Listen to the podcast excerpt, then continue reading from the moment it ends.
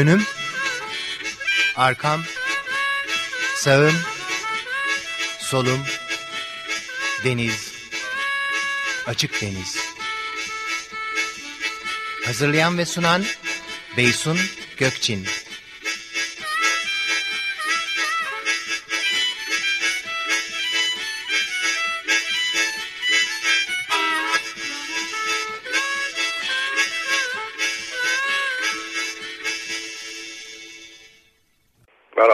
Günler diliyorum. İyi bir hafta sonu olsun. Evet, şu anda İstanbul'dan başlamak istiyorum. İstanbul'da hava genellikle parçalı bulutlu, zaman zaman bulutlanma artıyor. Ama İstanbul başta olmak üzere Marmara bölgesinde önümüzdeki günlerde de yağış beklemiyoruz. Ama sabah saatlerinde yer yer Bursa'da, Bilecik'te, Balıkesir'de, kısmen İstanbul Boğazı'nda yer yer pus etkili olacak. Çünkü rüzgarlar da bir hayli zayıfladı. Çok hafif esen bir, bir kuzeyli rüzgar var. Zaman zaman karaya, zaman zaman Poyraz'a dönen bu rüzgarın hızı 5-6 e, knotların üzerine yani yaklaşık 8-10 kilometrelik bir hızla esmeye devam ediyor. Evet önümüzdeki günlerde yalnız Marmara bölgesinde değil Ege'de, Akdeniz'de, iç kesimlerde Doğu ve Güneydoğu'da da yağışlar görülmeyecek. Hava sıcaklıkları özellikle Marmara'da, Ege'de, Akdeniz'de, Güneydoğu'da e, ve yükseldi. Aslına bakarsanız Ege ve Akdeniz'de hatta Güneydoğu'da sıcaklıklar mevsim ortalamalarının yer yer 4-5 derece üzerine çıkıyor. Doğu Karadeniz bölgemizde hava biraz soğuk. Özellikle doğuda ve Doğu Karadeniz bölgesinde gece sıcaklıkları bir hayli azaldı.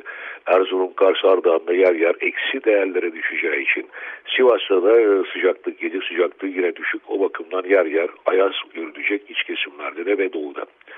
Evet önümüzdeki günlere kadar yağış görülmeyecek demiştim. E, haftanın ikinci yarısı e, Ege'den başlayarak yeni bir alçak basıncın etkisi altına gireceğiz. Lodos yönlü rüzgarlarla birlikte bu sistem özellikle önce Güney Ege'de ve Batı Akdeniz bölgesinde yağışları başlatacak ve çarşamba akşamından itibaren özellikle Batı, Güney Ege ve Batı Akdeniz'deki yağışlar giderek kuvvetlenecek. İstanbul'da da salı gecesi ve çarşamba sabahları hafif bir yağış görülebilir ama asıl daha kuvvetli olabilecek yağışları önümüzdeki hafta Cuma ve Cumartesi günü bekliyoruz. Yer yer kuvvetli sağanaklar Marmara'yı da etkisi altına alacak. Evet bunlar tipik sonbahar özellikleri diyebilirim. Yani e, bu tip yağışları e, görmeye devam edeceğiz hafta boyunca. Fakat bu sistemin hızlı bir şekilde geçmesi tabii ki önümüzdeki hafta tekrar sıcaklıkları birkaç derece de olsa azaltacak. Fakat asıl serinlemeyi daha sonra yani Ekim'in son haftası içinde bekliyoruz. Yağışların kuvvetlenmesi, birbiri peş sıra gelmesini beklediğimiz Akdeniz üzerinden gelecek alçak basınçlar sıcaklıkları yükseltirken beraberinde taşıdığı nemle birlikte yağışın etkisini arttıracak ve rüzgarın hızlı bir şekilde kuzeye dönmesiyle de sıcaklıklar ay sonuna doğru istediği derecede azalacak ama bir hafta boyunca en azından önümüzdeki 3-4 gün yağış görülmeyeceği gibi sıcaklıklarda gündüz sıcaklıkları mevsim ortalamaları üzerinde olacak ama zaman zaman da bulutlanma artacak özellikle İstanbul'da. Evet bizleri bekleyen koşullar genellikle böyle sizlere iyi bir hafta sonu diliyorum. Haftaya görüşebilmek umuduyla hoşçakalın. Açık Deniz'den ve Açık Radyo'dan e, merkeze başsağlığı diliyoruz. Gökhan Abur kaybettik. Ee, Gökhan Abur e, 22 yıldan fazladır Açık Radyo'ya yol arkadaşlığı yapıyordu. Ee, benim ilk tanışmam Erol Kepenek arkadaşım, denizci arkadaşım Naviga'nın ekibinden. O önermişti ya bir meteoroloji e, uzmanı var çok e, iyi bir adam çok e, eğlenceli onu programa konuk alsana dedi. Ve ben aradım ve Gökhan Abur'la açık denizde uzun bir hava durumuna dair, havada meteorolojiye dair e, sohbet ettik. Hatta bulabilirsem belki gelecek hafta onu da yayınlamayı düşünüyorum. Ama 22 belki daha aşkın 23 yıl e, Gökhan Abur hiç aksatmadan e, radyoya e, olan e, mesaisini, emek harcamasını sürdürdü ve de işte maalesef dün akşam aramızdan ayrıldı. Ben e, bu hafta e, bu Gökhan Abur'u uğurlama programı bu aslında Ömer Madra, Ali Can Turalı ve Naim Dilmener'le yapmak istedim. Ben önce Ömer Madra'ya sözü vermek istiyorum. Evet Ömer. Merhaba tam da yani Hrant Dink ödülünü de kazandığımız gece aldığımız bir haberdi bu. Yani Evet. Radyonun e, içinde layık görülü bir 61.sini ve değerli olanlarından birini aldık. Tam onun şeyini yaşarken gururunu, sevincini bütün programcı arkadaşlarımız adına bu acı haberi de aldık. Senin de dediğin gibi Gökhan Abur e, Açık Radyo'nun aslında ilk ve tek haftalık meteoroloji programıydı. Açık Radyo'nun bin bir türlü programı var. Hepsi var içinde.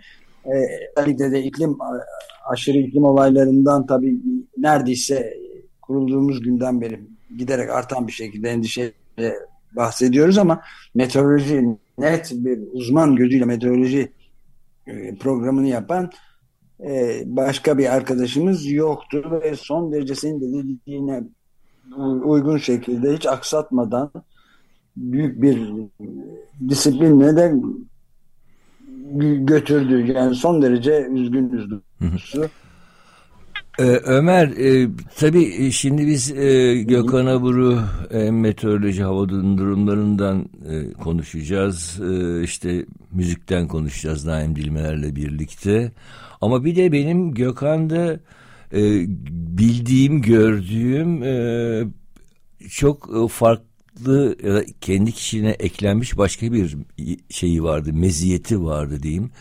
Gerçek bir demokrattı. Yani e, işine ne kadar bağlıysa işte insan haklarına, hayvan haklarına, kadın haklarına, çevreye ona da o kadar disiplinle ve o kadar ısrarla bağlıydı.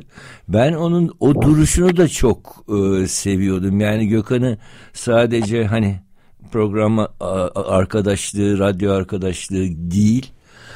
O insan olarak hayattaki duruşu da e, bence çok önemli. Tıpkı Hrant Dink gibi yani bazı insanlar var hiçbir şey söylemeden sadece duruşlarıyla, vücut dilleriyle, e, ilişkileriyle örnek olabiliyorlar ve hiç konuşmadan çok uzun cümleler kurabiliyorlardı. Gökhan Avur'u ben bu yüzden de çok önemsiyorum. Yani bilmiyorum e, Hrant Dink ve onu yan yana getirmem me katılıyor musun? Ee, evet yani bence aslında dünkü konuşmada da belirtmeye çalıştım bu Hrant Dink ödülünü kabul ederken e, bize verilen, lütfedilen açık radyo macerasını anlatırken Türkiye'deki entelektüellerin bu senin biraz önce Gökhan için söylediğin entelektüellerin e, Batı, Batı dünyasındaki entelektüeller içinde birçok açıdan esin kaynağı olması gerektiği e, Batı kültüründe de pek bunun örneği olmadığını da bizzat e, ünlü düşünür Noam Chomsky dile getirmişti 2000 sonunda 2002 sonunda yaptığımız mülakatta. Yani Türkiye birçok açıdan e, batılı entelektüeller içinde bir esin kaynağı olmalı diyordu mesela yaptığımız mülakatta entelektüel sınıfın hatırı sayılır bir kesiminin yalnızca özgürlük için mesela sesini yükseltmekle kalmayıp aynı zamanda bu konularda fiilen bir şeyler yaptığı tek ülke bildiğim kadarıyla demişti. Yani Batı kültüründe böyle bir şey yok diyerek bizi şaşırtmıştı. Ee, bütün tarihinde yok Batı'nın günümüzde hiç yok filan demişti. Dediğine katılıyorum yani e, hem böyle iklim konusundaki söylediklerimize de arada bir tıpkı dediğiniz gibi de gayet e, gelişmeler olduğunu filan söyleyen de gene Gökhan. Ee, Ömer gitti galiba değil mi? Yayına... Şimdi, ha, şimdi geldi. Geldi mi tekrar? Yani ne kadar kesildi? Çok kısa bir iki, bir iki cümle belki. ama yani işte yani Türkiye Evet. Yani söylemek istediğim şey şuydu. Arada bir mesela sen sorduğun zaman işte daha önce de çeşitli programlarında açık radyonun da söylendiği gibi diyor. bir gidişat var ve bununla baş etmek için mücadele etmek gerektiğini de söyleyen cümleleri de var. Ya ben net olarak açık denizde dinlediğimi de hatırlıyorum. Ee, yani önemli bir kayıp çok e, üzgünüm yani. E, peki bir de tabii şey de var mesela Gökhan e, örneğin mesela Maslak'taki gökdelenlerin İstanbul'da yarattığı iklim değişikliği üzerine uzun uzun anlatılar yapıyor. Mesela Gökhan şehircilikle de ilgileniyordu. İşte dere yataklarındaki yapılaşmalardan, o yüksek yapıların bir şehrin e, iklimini nasıl olumsuz bir şekilde değiştireceğini anlatacak kadar da e, ufku geniş bir e, dostumuzdu. Evet. Peki, Aynen öyle. Peki Ömer e, biz, ben seni daha fazla tutmayayım. Muhtemelen işin vardır senin. bir tek şey daha ilave edeyim.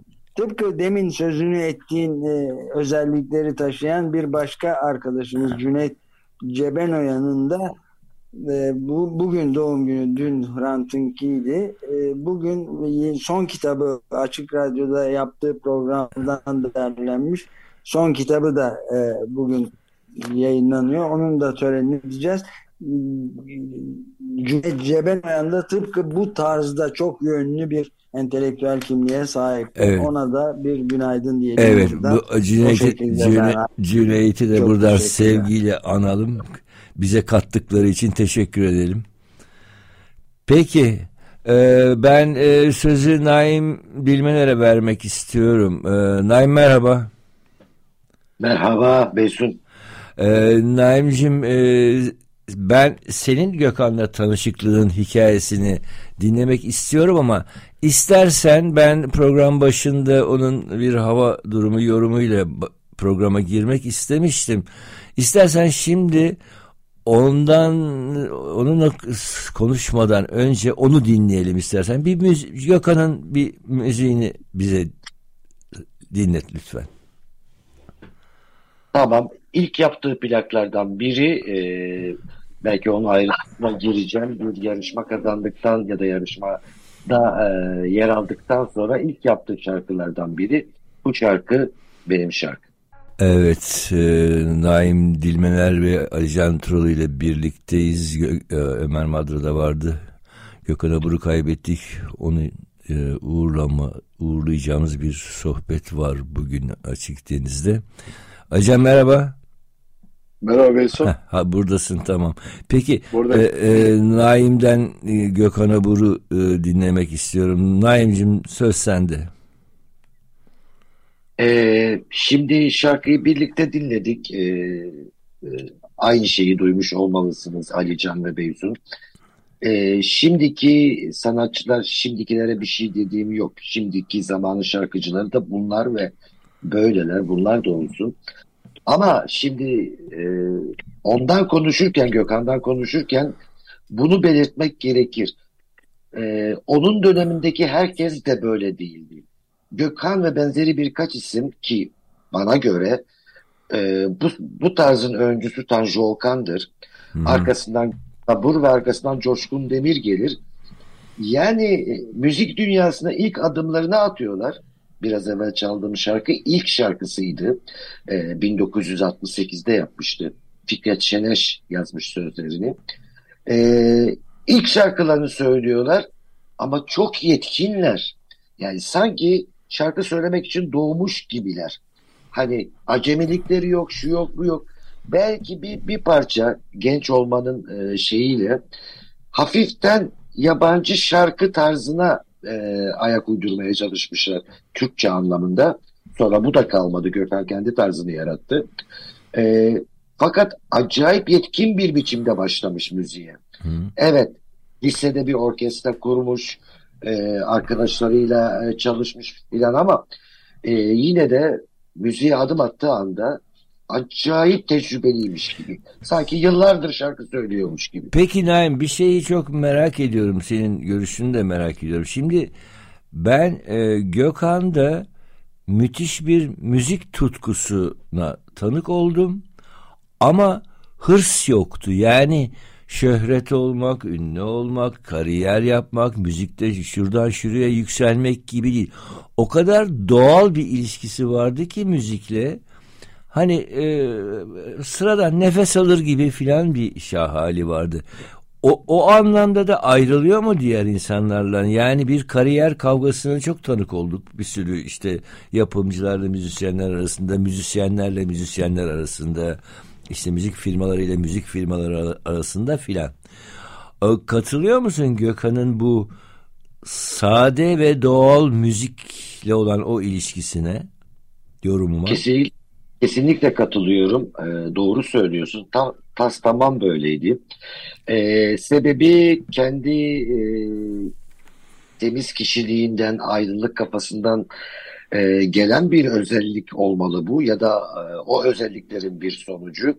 E, Ömer abiyle konuşurken entelektüel yanından söz açtın ya. Hı hı. E, Has tamam entelektüel biriydi Gökhan Abur. Eğer öyle olmasa, eğer öyle olmasa daha müziğe adım atar atmaz Selmi Andak gibi bir olağanüstü besteci ve popüler bir besteci Gökhan Abur'a e, şarkı verir miydi? Ona söyletir miydi? Hmm. Özdemir Kaptan gibi çok entelektüel bir söz yazarı Gökhan Abur gibi henüz ismi duyulmamış birine söz yazar mıydı? Demek istediğim şu, e, Gökhan Abur evet müziğe tutkun, hayatın orta yerine yerleştirmiş, e, müziksiz yapamayan biri ama bunun yanında e, entelektüellerle iç içe olmak, e, gündelik sorunları tartışmak, politika konuşmak, siyaset konuşmak ve hayatı böyle anlamlı bir e, karma programın içinden yürütmek. Hı-hı. Bahsettiğin yerleri öyle değil. Bu, e, onlara da hak vermiyor değilim. Yani sonuçta böyle gelmiş, böyle de gidiyor. E, pop müzikte popüler olmak, çok satmak kısa bir dönemin işi. Büyük bir kısmı hazır bu noktadayken diyorlar, o noktada olduklarında. Hazır bu noktadayken elimizden geldiği kadar para kopartalım, ceplerimizi ve banka hesaplarını dolduralım diyorlar. Gökhan'ın Gökhan'ın görüşü bu değildi. Evet. Ve ona göre yaşadı. Hı hı. Hı. Evet. Ona göre de şarkılar yaptı. Hı hı.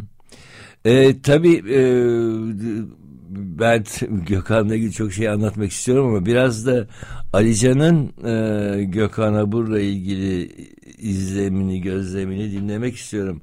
Evet Alican, söz sende. Teşekkürler. Tabii çok üzgünüm. Ee, şeyde de yazdım, Facebook'ta da yazdım.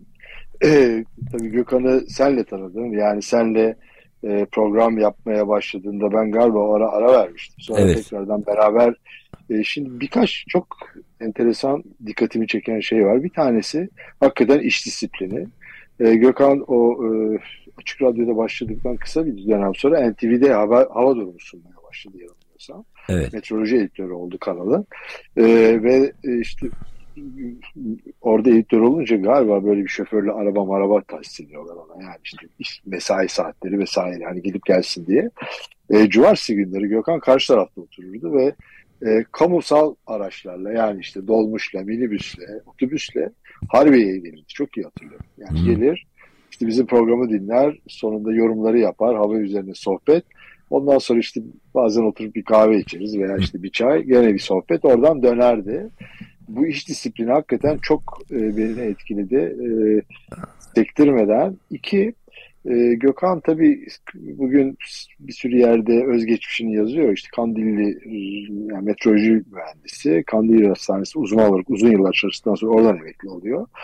E, bence Gökhan Açık Deniz'le beraber ya programla beraber denizi keşfetti. Evet. Ben öyle düşünüyorum ve evet. ona çok keyif verdi. Yani evet. e, biz ondan şeyi öğrendik. İşte harita nasıl bakılır, alçak basınç e, vesaire, havayı nasıl koklanır, bulutların durumu vesaire. O da bizden bu açık deniz yarışçılığı ve işte seyri yapıp ondan sonra bence mesleğin o kısmını da müthiş geliştirmeye başladı. Evet ben yani ben, öyle şey ben de senin gibi ee, düşünüyorum. Yani mesela Gökhan'la hep şakalaşırdık. Ee, bir türlü beraber denize çıkamadık. Yani Gökhan denizci idi ama alan denizcisi evet. değildi. Biraz böyle evet, işin evet. teorik kısmına yaklaşan evet, e, evet, ne bileyim evet. yarışçılara hangi havada hangi bulutun altında nasıl davranacaklarını evet. öneren, evet. anlatan evet. ama ıskota bile eline değmemiş muhtemelen bir enteresan ee, bir denizci idi.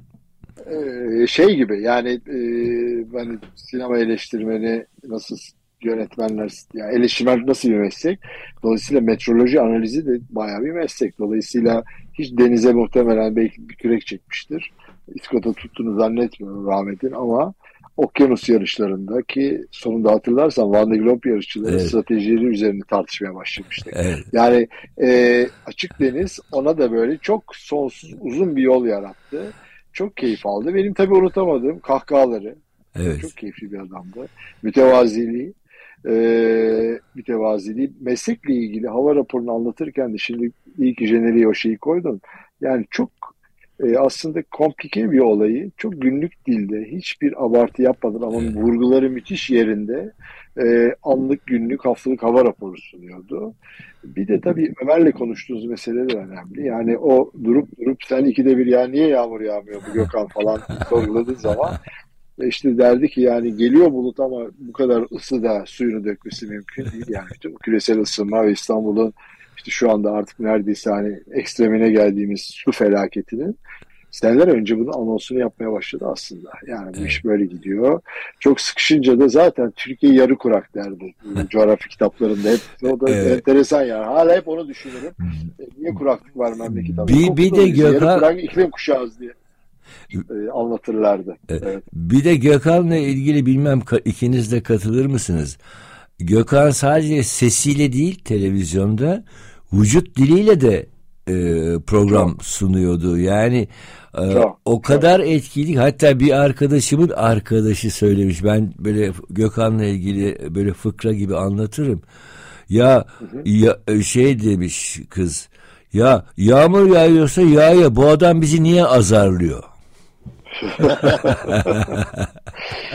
Ee, yani o tabii ses de ya o şarkıcılığın getirdiği, sanatçı olmanın getirdiği avantaj sesini çok iyi kullanıyor. Ekranı dolduran bir adamdı hava rapor sunumunda.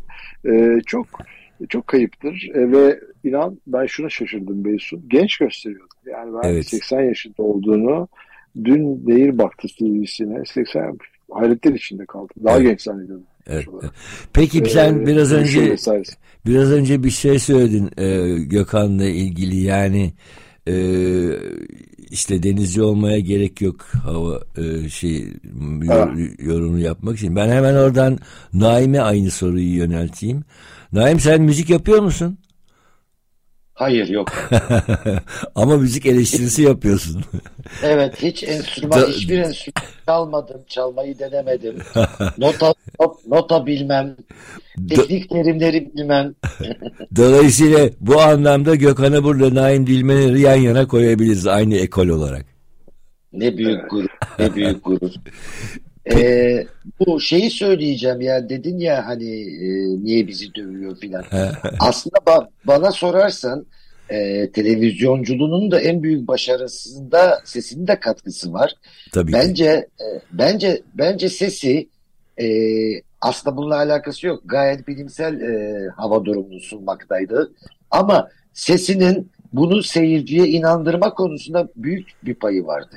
Evet. Yani e, şöyle olacak böyle olacak dediğinde insanlar o sesle aa evet ya gibi bir hisse kapılıyorlardı diye düşünüyorum.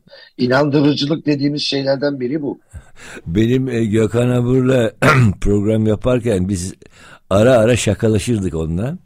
Hatta onun meşhur kimilinimbüs bulutlarına ben e, hani o lokal yerel yağışlar bırakan bulutlar var ya ben onlara arazöz bulutları ismini takmıştım. O da ara ara kullanıyordu. Senin arazöz, arazöz bulutları var bu hafta filan diye. Bir de tabii şey çok şeker. Onu da hazır Gökhan Abur'u uğurlarken anlatmak isterim. Bir gün bir programda Harbiye'deydik o zaman radyo olarak. Gökhan yağış verdi. O ertesi yani cumartesi programı yapıyoruz. İşte pazar pazartesi için yağış verdi. Sonra program bitti. Biz benim Exorient teknesini Gökhan'ı gezdirmek üzere Ataköy Marina'ya doğru yola çıktık. Marina'da yürüyoruz. Ben baktım gökyüzüne. Gökhan dedim bu hava yağmaz dedim. Yağacak dedi.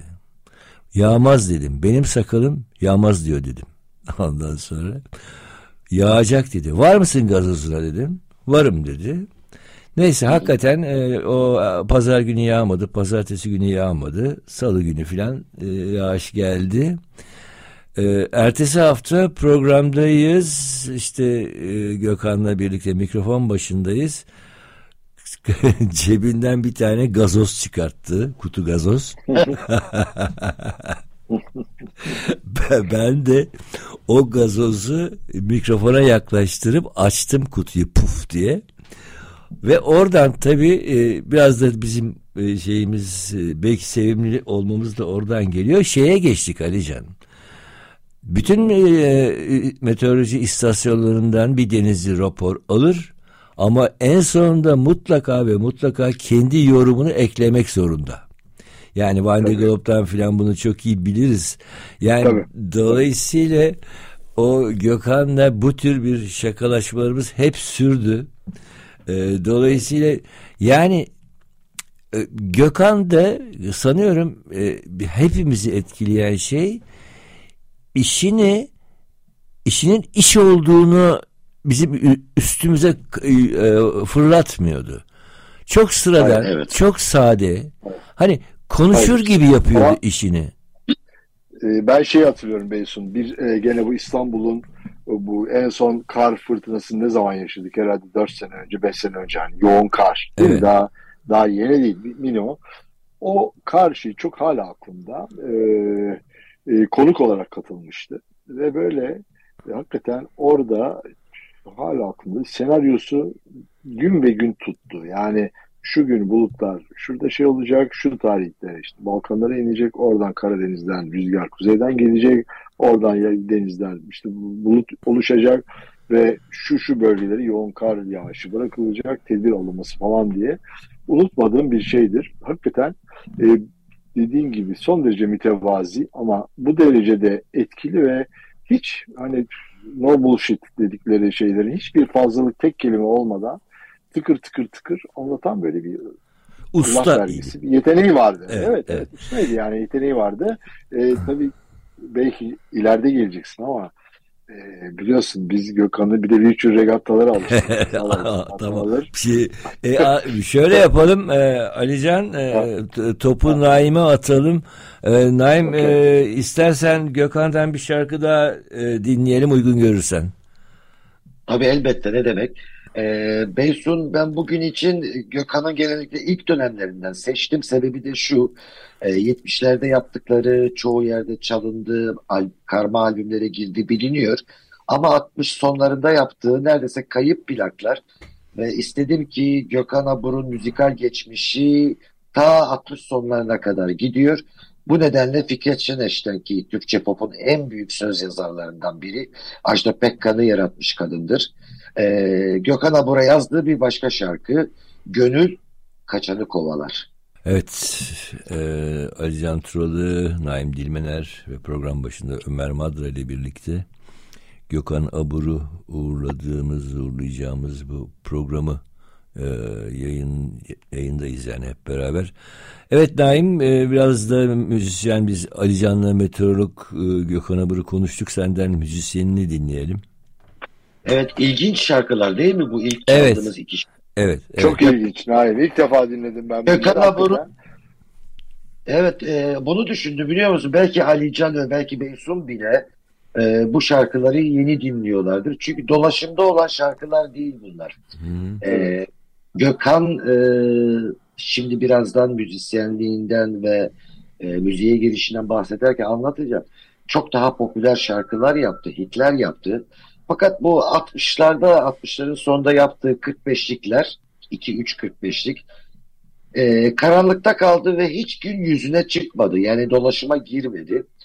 E, halbuki ilk dönem şarkıları ve ne kadar güçlü bir yorumcuyla karşı karşıya olduğumuzun da en büyük işaretleri. Bence. Naim bir şey soracağım. Ee, şimdi bu e, ilk e, taze şarkılarını diyelim tırnak içinde dinlerken şu dikkatimi çekti. Gökhan'ın sesi değişmiş ve bana göre olgunlaşmış. Bu e, müzisyenlerde, şarkıcılarda görülen bir şey midir? Bilmiyorum Acar sen ne diyorsun? Yani o genç tınısı var bu şeylerde, evet. şarkılarda ama bizim tanıdığımız dönemdeki Gökhan'da da böyle hani Frank Sinatra sesine doğru e, rengine doğru giden bir olgunlaşmış bir ses şeyi var. E, Naim bu olan bir şey mi? Sık görülen bir şey evet. Ajda Pekkan'ın ilk şarkılarını dinleyin. Ajda gibi söylemiş dersiniz. Ajda Pekkan demezsiniz. Ajda Pekkan gibi evet. biri dersiniz.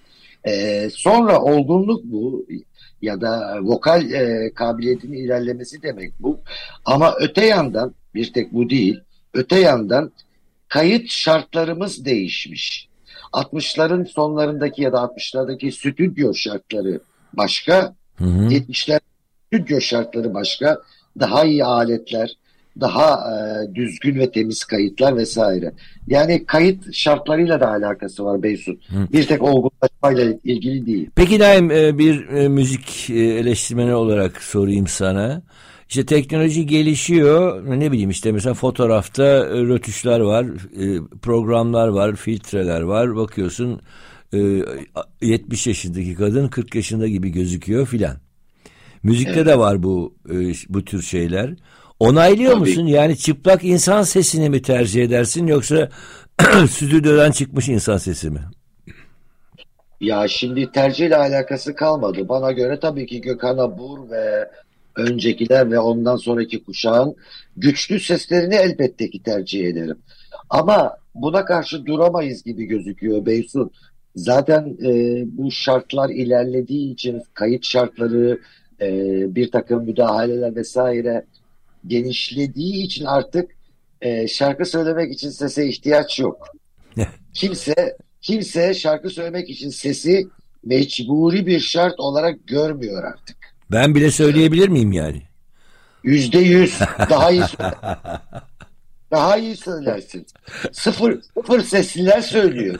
Yani Gö e, Gökhan Abur'u e, yolcu ederken isim vererek ortalığı bozmanın, kirletmenin alemi yok. Ama ne yazık ki herkes söyleyebiliyor artık. Pe peki e, ben e, Ali Can'a da sorayım aynı soruyu hatta işte denize bağlantı kurarak biz çünkü Ali Can'la da konuşmuştuk. Yani aynı teknoloji e, yarışlarda da var yelken yarışlarında. İşte Amerika Kupası evet. geliyor. Ne diyorsun Ali, Ali Can? Teknolojiyle mi yarışmak istersin, teknoloji olmadan mı yarışmak istersin? Ya bu şey bir soru. Yani ikisini de ikisinde de iyi olayım isterim aslında. Yani teknoloji olmadan da doğru bir tahmin yapabilmek herkesin şahsen benim çok hevesim. Yani bir havayı tutturmak, havayı bilmek. Bu arada bu Gökhan'la ilgili zaten hani konuşuyoruz. Anekdotlar mesela şeyi unutamıyorum. Marmaris'ten yola çıkarken hava radarını açtırıp adama bu bulut hakikaten e, kadırga burnun üstüne geliyor mu gelmiyor mu değil mi? Böyle, aklıma çok böyle hoşluklar geliyor. Ya evet. Biz 90 94'te Fransa'dan tekneyi getirirken e, Korsika Sicilya arası o feci bir hava yediydik. Sen yoktun o seferde. Evet. E, sonra onu sonra dedi ki ya bunu görüyordum ben dedi. Ondan sonra sonra zaten ama o zamanlar tabii telefon telefon daha zordu. Sonra devamında bütün Adriyatik geçişi falan filan baya böyle yol gösterdiydi. E, e, evet o. E, ya o hava radarını açıp baktı Gökhan. Yani pas geçiyormuş deyip yola çıktıydı ve tuttuydu yanılmıyorsam. Yani Kadırga burnu döndüydünüz diye hatırlıyorum. Yok yok o hikaye şöyle. ben Marmaris yarışından sonra işte şeye İstanbul'a döneceğim yola. Yok pardon şeye döneceğim. Martı Marine'ye döneceğim. Martı. Bo, Bo, Bodrum'dan herhalde. Ondan sonra sordum Gökhan hava nasıl diye. Valla senin oralar temiz bir şey yok dedi. Ben yola çıktım abi bir baktım karşımda simsiyah bir Kapatıyor. bulut. Geliyor, evet, Bulutun içinde parti var Alican nasıl bir kırmızı çakıyor bir yeşil çakıyor bir mavi çakıyor bir turuncu çakıyor filan. Açtım telefonu ya Gökhan dedim Böyle böyle oluyor dedim. Ha o, o oraj o bir şey olmaz. Ya ne bir şey olmaz dedim ya. Yolumu kesiyor. Etrafından dolaş dedi. Ben de öyle yaptım. Hatırlarsan biz oracı yakalandıydık. Gene bir Marmaris dönüş. iki tekne Evet, dönerken, evet iki tekne dönüş. E, Aslan ile Atabolu'nun açığında. Evet. Yani oraj dediğin öyle oraj hani etrafından geç olmuyor bizim o teknelerle. Ee, benim cevabı parçalandıydı. Sen daha kazası belası atlattık ama evet. bela bir işti. Yani oraj da tehlikeli bir şey. Ee, bir de şey diyeceğim Beysun hiç unutmadım. Hoş bir anı. Bu seninle tekrar ikinci kere program yapmaya başladık. İlk programda e, yanılmıyorsam Gökhan Abur e, bize bir denizle ilgili şiir okuduydu. Hatta o şiiri duydu, duyup Ömer Madra yukarıdaki yönetim odasına aşağı stüdyoya geldi. Harbiye'den bahsediyorum. ee, yani böyle çok bu konularda da hakikaten şeyi olan, suplesi olan e, hem keyif adamıydı hem bilim adamıydı. Tek beceremediği bir çürü regattaydı. Başlayıp sonunda abandona ederdi ama en azından bir kayıt veriyordu yarışlara diye hatırlıyorum. Yani bu kadar e, hava raporu konuştuktan sonra oradaki virtual olarak o havaları incelemek falan ona challenging geliyordu. Yani hoşuna gidiyordu. Evet, evet. Ama hiç e, gerçekten denize yönelik yani denizde olmak, teknede olmak, yelken yapmak gibi bir heyecanı olmadı. Ama e, bütün e, işte ben e, vefat haberinden sonra okuyorum e, Facebook'ta, Instagram'da. Müthiş bir e, takipçi kitlesi var. Evet, ve, ve evet kimse umursamıyor Gökhan'ın yelken yapıp yapmadığını. Onun o deniz deniz ve denizcilerle kurduğu birebir sıcak ilişki o çok etkilemiş insanları ve hiç e, ayırmıyordu yani e, Türkiye Açık Deniz Yarış Kulübü'nün hava tahmini talebiyle herhangi birinin bir balıkçının belki bir, bir küçücük bir sandalın hava tahmini talebini aynı ciddiyette, aynı heyecanla, aynı içtenlikle cevaplıyorduk. Sanıyorum Gökhan Abur'u Gökhan Abur yapan en önemli özelliği de buydu. Evet hatta şeye kadar yani bu NTV çıktıktan sonra tabii celebrity oldu. Dolmuşa biliyorum diyor. Hocam yarın hava nasıl? Öbürsü gün yağacak mı falan. Oturup bıkmadan sakin sakin onları anlatıyormuş. Hep öyle söylerdi. Ee, şey yani bir de tabii bende gene e, iz bırakan dediğim gibi yani Açık Radyo Açık Deniz'le beraber Gökhan deniz konusuna daha konsantre olmaya başladı ve e, dersler vermeye başladı. Tuzla'daki Denizcilik Akademisi veya üniversitede e, yetiştirdiği bir sürü kaptan var. Onların birkaç hikayesini anlatmıştı. Yani mesela kaptanla bir tanesi böyle işte altında 300 bin tonluk bir tanker en büyüklerden. E, Asya, Pasifik, Hong Kong civarında işte siklona daldım, oradan çıktım vesaire falan filan. Yani e, bir tür iftihar ediyordu. Hani hakikaten e, haritayı okumak, işte basınç haritasına bakmak, yarar mıyım, yaramaz mıyım vesaire diye çok sitayişle bahsederdi o böyle uzak yol kaptanı olan eski öğrencilerinden. Peki ben e, sözü tekrar Naim Dilmener'e vermek istiyorum. Zamanımız bir, geçiyor. Bir soru sorabilir miyim Naim'e? Bir soru tabii, sorabilir tabii. miyim? Na, na, Naim My Way dinleteceğim mi? Çok güzel söylerdi onu Gökhan hatırladım. My Way'in e, kaydı şeyde olabilir belki YouTube'da canlı bir kayıt ama e, bunu stüdyoda hiç kaydetmedi. Anladım okey. Tamam o şeyde konser. Berhem bulabilir misin My Way'i? Tamam. E, Berhem bakacak Onunla şimdi. Onunla bitiririz belki. Tamam, belki okay, belki. Peki. Bu arada Naim bu söz... arada ben... Sen de. Ee, çok önemli değil ama küçük bir ayrıntıyı da belirteyim. Gökhan Abur diye e, anıp e, duruyoruz. E, en azından işin müzik tarafında soyadını kullanmadı. Öyle mi? Evet evet Gökhan'dı. Sadece Gökhan'dı müzikte. Aa bilmiyordum ben bunu. Öyle mi? Evet bilmiyordum hakikaten. Aa, ben de bunu söyleyeyim mi söylemeyeyim mi şimdi çıkıntılık yapmayın diyordum ama demek bilinmeyebiliyor. Yok Gökhan'dı. Gökhan Abur çok daha sonra televizyona çıkmaya başladıktan sonra birleştirildi müzik yaşamıyla. Yoksa plaklar... Ama genelde e, şarkıcıların soyadlarını bilmiyoruz. Yani ne bileyim, mesela Alpay'ın soyadını ben bilmiyorum. Ne bileyim. E, Alpay soyadını bilmiyorum. Berkant da e, soyadını... Teoman da soyadını bilmiyorum. E, yok çünkü kullanmadılar da onun için. Kullanmadılar evet. Evet, evet yani tek isimle çıktılar. Nilüfer gibi. Nilüfer, yu, Nilüfer evet. yumlu demeyiz. Nilüfer. Nilüfer. Ama evet. Sena Şen var mesela. Kim? Sena Şen Şener. Sena. Ha, evet. Hayır hayır gençlerden biri. Yani e, soyadını genç... kullan soyadını büyük bir kısmı kullanıyor zaten de soyadını kullanmayan azınlıkta Gökhan da bunlardan biriydi. Evet mesela evet. Mor ve Ötesi kullanıyor bildiğim kadarıyla. Harun Tekin olarak biliniyor. Ee, evet evet tabii ki evet. Aha kullananlar çoğunlukta Beysun. Hı hı. Yani %99 kullanıyor diyelim. Yüzde bir kullanmayan var. Gökhan da bunlardan biriydi. Peki e, Naim Gökhan'ın müzik tarzı nasıl gelişti? O, yani ilk parçaları dinlettin. Daha sonra nereye doğru? Yani bu bir seçim miydi e, yoksa e, kendiliğinden olan bir şey miydi? Nasıl değişti yani? Şimdi Gökhan'a buradan bahsediyorken öncelikle şeyi e, hiç e, es geçmemek gerekir. E, profesyonel anlamda müzik dünyasına girdiği tarih 1967.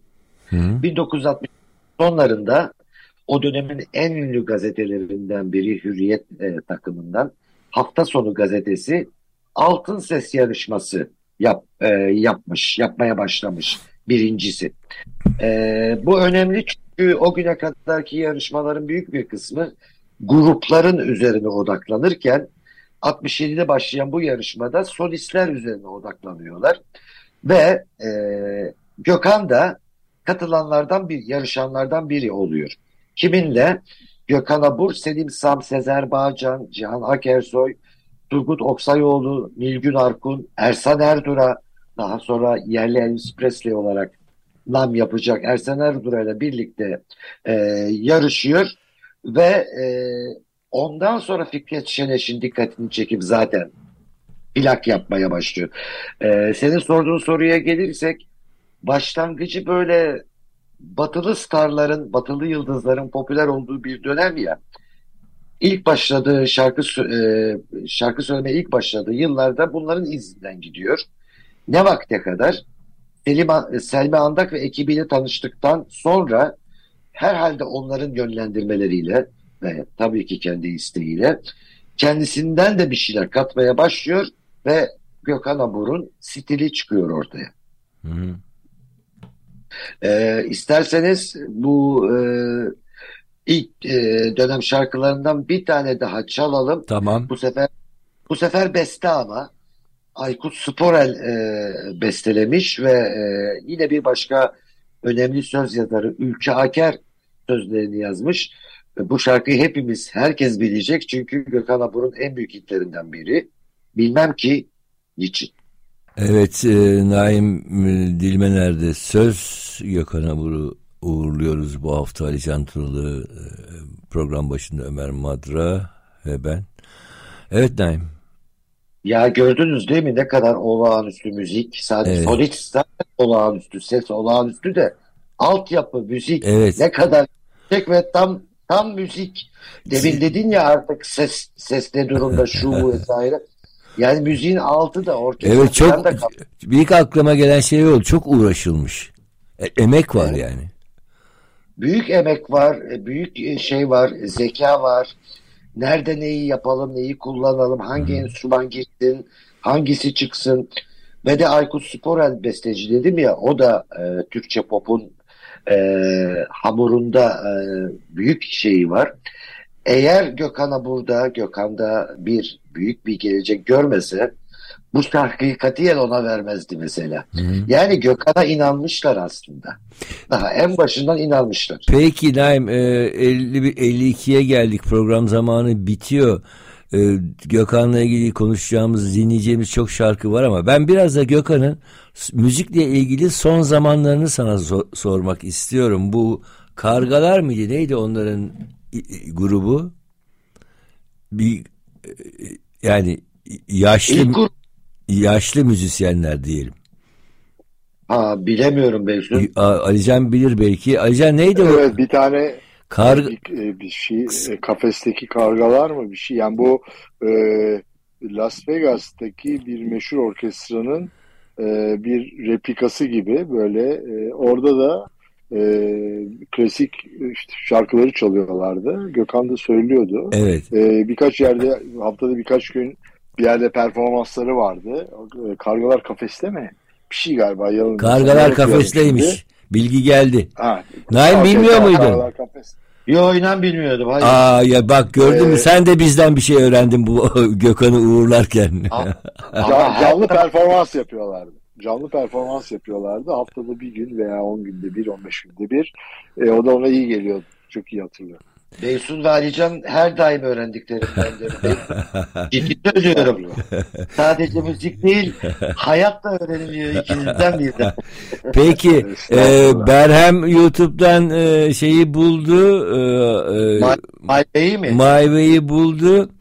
E, isterseniz e, Gökhan'a ondan My Way'i dinleyerek e, sembolik olarak uğurlamış olalım. Yoksa hep yanımızda o en azından hepimizin hep yanında olacak zaten duygu olarak. Evet e, Alican var mı ekleyeceğin bir şey? Ee, şey yani yolu açık olsun huzurlu uyusun diyeyim Beysun. Peki Naim'cim? Ee, şu kadarını söyleyeyim ee, Gökhan ve benzeri müzisyenler sanatçılar e, hakikaten ölmezler. Ölümsüzlük dediğimiz şey tam da onlardır. Evet, evet. Çünkü geride çok fazla şarkı, film vesaire bırakıyorlar ve bu şarkılarla beraber sürekli bilincimizde yaşıyorlar. Dolayısıyla ben e, temelli bir biçimde Gökhan'ı kaybettiğimizi düşünmüyorum. Ben de, ben de. Peki, evet. e, Açık Deniz'i bu hafta e, Gökhan buradan e, My Way'i dinleyerek e, sonlandırıyoruz. Haftaya görüşmek üzere. Hoşçakalın.